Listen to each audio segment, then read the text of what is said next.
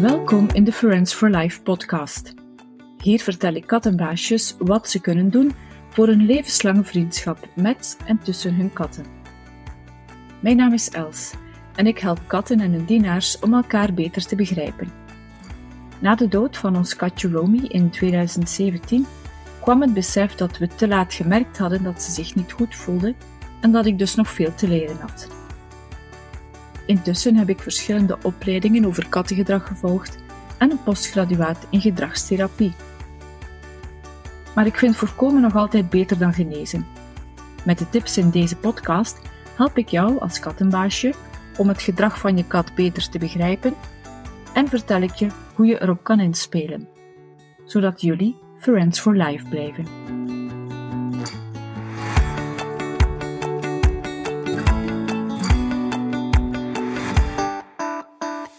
Hallo, het is uh, spannend. Mijn allereerste podcastopname.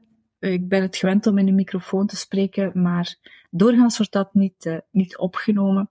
Dus it's a first. Ik ga deze pre-episode gebruiken om mijzelf voor te stellen, zodat je een beetje weet, een beetje weet liever wie de persoon achter de stem is. En natuurlijk om jou te vertellen waarom ik graag deze podcast wilde beginnen. Ik ben Els. Ik ben geboren in de zomer van 76. Uh, eh, de zomer is dan ook mijn uh, favoriete seizoen. Ik woon in Gent met mijn vriend Bram en onze drie katten, Oliver, Jamie en Molly. Die gaan uh, zeker nog ter sprake komen tijdens de podcast. de katten, vooral Bram misschien iets minder. Um, en het eerste wat je denk ik over mij moet weten is dat ik zot ben van talen. Of ja, communicatie misschien, om het breder te trekken. En ik denk dat het aller, allereerste oorsprong ligt bij mijn ouders en het feit dat zij allebei uh, ja, een, een ander dialect spraken. Spreken nog altijd, maar uh, ja, met ons, met ons praten geen dialect. Um, mijn moeder is afkomstig uit Brugge en uh, mijn vader uit Baasrode bij, bij Dendermonde. Ze hebben elkaar als studenten in Gent ontmoet en zijn blijven plakken. We zijn dus uh, ja, niet opgevoed in het Gens. Ik krijg soms de vraag waarom ik niet Gens klink. Uh, dat heeft dus uh, daarmee te maken. Ook, ik heb ook geen Brugs geleerd of, of, of Daremonnes, maar ik, ik verstond het allemaal wel. En ik vond dat fascinerend als kind. die, die, ja, een dialect is geen vreemde taal, maar je snapt wel wat ik bedoel um, dat er toch verschillende woorden bestonden voor, voor één begrip. Um, mijn eerste woordjes, uh, echte vreemde taal, uh, Engels, die heb ik geleerd als uh, achtjarige. Een oom van mij ging toen voor het werk een aantal jaren in Engeland wonen. En mijn neef die stuurde toen cassettes op, die heel lang onderweg waren, waar hij dus Engelse woordjes insprak. Uh, vond ik super uh, interessant. En we zijn toen ook een aantal keren uh, met de ferry bij hem op vakantie gegaan. Ik vond het geweldig. Um, het was echt liefde op het eerste gezicht. Ik wist ook dat ik Engels wilde gaan studeren en dat is uiteindelijk ook gebeurd. in 98 ben ik afgestudeerd als tolk, Engels en Spaans. En sindsdien ben ik freelancer. Nu, ik geef het maar al mee voor de collega-taalkundigen, dat ik uh, in de podcast uh, zou willen spreken zoals ik doe uh, tegen familie en vrienden, en niet zoals in de tolkencabine. Dus er zal af en toe wat dialect passeren. Sorry, not sorry daarvoor. Gelinkt aan mijn voorliefde voor taal is mijn liefde voor lezen. Mijn moeder zegt soms dat ik, uh, toen ik leerde lezen, uh, er een wereld voor mij openging. Ik was toen nog te jong, denk ik, om het, om het zo te zien. Maar uh, ik weet wel nog, ik herinner mij echt letterlijk nog de dag dat Destelbergen, waar ik ben opgegroeid, een bibliotheek kreeg. ik heb toen de jeugdafdeling verslonden en echt afgeteld naar mijn twaalfde verjaardag omdat ik dan eh, de volwassenenafdeling mocht, eh, mocht beginnen te lezen. Helaas wordt, uh, werd en wordt het lezen een beetje overschaduwd door mijn televisieverslaving. Ik ga niet alles opsommen waar ik ooit al heb naar gekeken of nog altijd kijk. Um, het is echt van alles, gaande van allerlei series, um, ook het serieuzere werk natuurlijk, de Britse comedy of, of de Scandinavische crimi, documentaires. Um, zet het op en de kans is groot dat, uh, dat Els blijft kijken. En dat is ook de reden waarom ik bewust geen, uh, geen abonnement heb op Netflix. Want dan zou er niks gebeuren en dan zou er uh, ook nog geen podcast zijn. Dus ik probeer mezelf toch in toon te houden. Als je televisie zegt, dan, dan is het een kleine stap naar film. Um, ik ben ook wel cinefiel, dus um, niet extreem, maar ja, we hebben het geluk in Gent dat wij een jaarlijks filmfestival hebben. Dus daar gaan we altijd uh, langs. Nu, ik wil er meteen al bij zeggen dat wij niet zo van die arty-farty filmliefhebbers zijn. Um, laten we zeggen dat, om een idee te geven, uh, de Coen Brothers of, of David Lynch of Quentin Tarantino dat is zo'n beetje het genre en natuurlijk ook de Almodovars uh, van deze wereld. Waarom zeg ik Quentin Tarantino? Uh, onder andere voor de films, maar ook voor de steengoede soundtracks. En dat brengt mij eigenlijk bij de liefde voor muziek. Die heb ik van thuis meegekregen. Mijn vader speelt nog altijd gitaar, heeft vroeger nog in een band gespeeld. En thuis stond er altijd muziek op um, de betere gitaarmuziek, laten we zeggen, uit de jaren 50, 60, 70. Tour of Duty CD's, voor, voor wie ze nog kent. Um, zelf luister ik naar van alles. Ja, laten we zeggen, alle pop- en rockmuziek van de jaren 50 tot nu. En af en toe pik ik een concert of een, een festival mee. ook daar hebben wij het geluk om in Gent te wonen, want Gent Jazz is is ook een jaarlijkse afspraak voor ons. Ik kan een klein beetje vertellen over mijzelf. Ik doe het niet zo graag, maar dan heb je toch een idee van, van wie ik ben. Um, mijn, laatste interesse is sport. En ik zeg het nu al, voor iedereen die mij kent gaat nu lachen.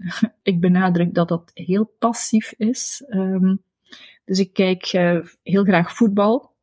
Dat is begonnen tijdens het WK in Italië in uh, 1990. Voor wie zich David Platt nog herinnert. Ik kijk ook graag naar tennis. Um, toevallig of niet, maar zowel Roland Garros als Wimbledon vielen vroeger een beetje tijdens de blokperiode. Dus misschien is het ooit ontstaan als um, uitstelgedrag om niet te moeten gaan studeren. Maar in ieder geval, uh, tennis uh, zie ik ook wel eens eh, graag. Wielrennen, atletiek, eh, eigenlijk van alles. In 2012 zijn we met vrienden naar uh, de Olympische Spelen in Londen uh, geweest. En uh, Parijs 2024 ligt ook al vast. Maar ik wil het dus echt benadrukken dat ik helemaal niet sportief ben. Dus verwacht geen foto's van een lopende Els op Instagram of zo. Um, ik, ja, ik hou van een beetje fietsen, een beetje zwemmen en een beetje rolschaatsen. Maar ik doe uh, niks van dat alles uh, fanatiek of, uh, of competitief. De enige competitie tussen aanhalingstekens waar ik me af en toe wel aan waag, is quizzen. Dat is ongeveer de enige keer dat al die nutteloze weetjes in mijn hoofd plots toch een beetje nuttig worden. Dus uh, alle films en series uh, die ik heb gezien, of, of muziek die ik beluister, of, of sport, uh, nieuws, alles wat ik volg, ja, heeft dan toch minstens één avond een nut. Winnen we niet ook goed, maar het belangrijkste is altijd dat er goed gesneukeld kan worden. En als je in Nederland woont, en niet weet wat sneukelen is, Google is your friend. Maar dat is genoeg over mij. Um, ik wil natuurlijk in de eerste plaats zeggen hoe ik bij de katten ben terechtgekomen en, en waarom deze podcast voor mij belangrijk is. Als kind heb ik uh, zelf geen huisdieren gehad. Uh, mijn oma van Baasrode die had wel altijd katten rondlopen. Dus de voorliefde komt zeker van die kant. Um, eind augustus 2013 hebben we, Bram en ik, onze eerste kittens geadopteerd. Ze waren gedumpt in het kippenhok van iemand die ik ken. het waren een broertje en zusje. We hebben ze Oliver en Romy genoemd.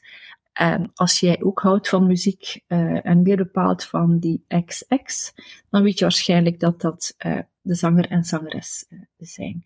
Nu, ik ga niet het hele verhaal van de katjes uit de doeken doen. dat vind je allemaal terug op mijn website, friendsforlife.be. Ik hou ook wel eens van een woordspeling. Um, wat belangrijk is om, om te kaderen, is dat we dus ja, uiteraard heel veel liefde hadden uh, voor de kittens en goede intenties, maar um, eigenlijk nog niet zoveel uh, kennis hadden uh, over katten. Um, dat heb ik zelf pas beseft nadat Romy gestorven was in, in januari 2017. Um, ehm, dat was aan nierfalen. En ja, ik had een aantal signalen subtiel, maar uh, ze waren er wel, maar ik had ze gemist. En toevallig kwam ook in 2017 uh, eh, het eerste I Love Happy Cats boek uit van Annereen Bru.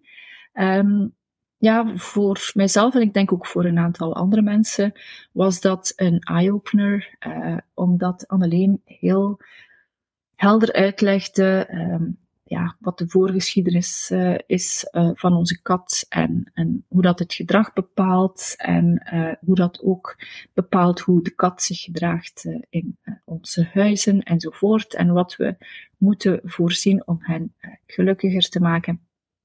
Dus ja, het zorgde wel voor een beetje schuldgevoel. Het was een beetje confronterend ook, omdat ik toen pas besefte wat ik allemaal beter had kunnen doen. Um, maar goed, er was niks meer aan te doen. Je kan alleen maar uh, beter doen als je uh, beter weet. Um, ik heb dat dus omgezet in actie. Ik heb um, alle boeken gelezen van I Love Happy Cats. Ik heb de opleidingen gevolgd. Um, in 2018 en 2019 heb ik gewerkt als kattenoppasser aan huis omdat ik een aantal van die zaken ook graag de praktijk wilde omzetten. En Sinds het najaar van 2020 ben ik vrijwilligster bij uh, Dreamcatchers in, in Gent. Uh, wij zorgen eigenlijk dat uh, katten die al heel lang, meer dan een jaar in het, in het asiel zitten of in opvang, dat die toch nog gesocialiseerd raken en, en een huisje vinden. Um, ik sta er op woensdag namiddag in de shop en het infopunt en daar mag ik praten over katten. Uh, zoals je intussen al merkt, is dat uh, mijn lang leven. En tot slot, in 2021 uh, ehm, ben ik begonnen aan een tweejarig postgraduaat met de ingewikkelde naam Clinical Animal Behaviorist, wat eigenlijk neerkomt op eh, diergedragstherapie. Dus eh, we gaan op zoek naar de oorzaken van ongewenst gedrag, in mijn geval bij de kat, en we zoeken naar oplossingen.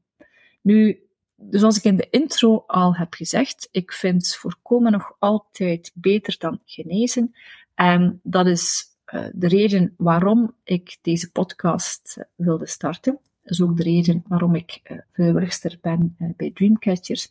Dat is omdat ik zoveel mogelijk mensen, zoveel mogelijk tips wil geven om, om de band met een kat te versterken. Um, dus ja, ik kan erover blijven praten. Uh, en ik hoop dat jij het ook uh, interessant genoeg zal vinden om, uh, om te blijven luisteren. Ik kijk er in ieder geval al naar uit om samen deze weg af te leggen.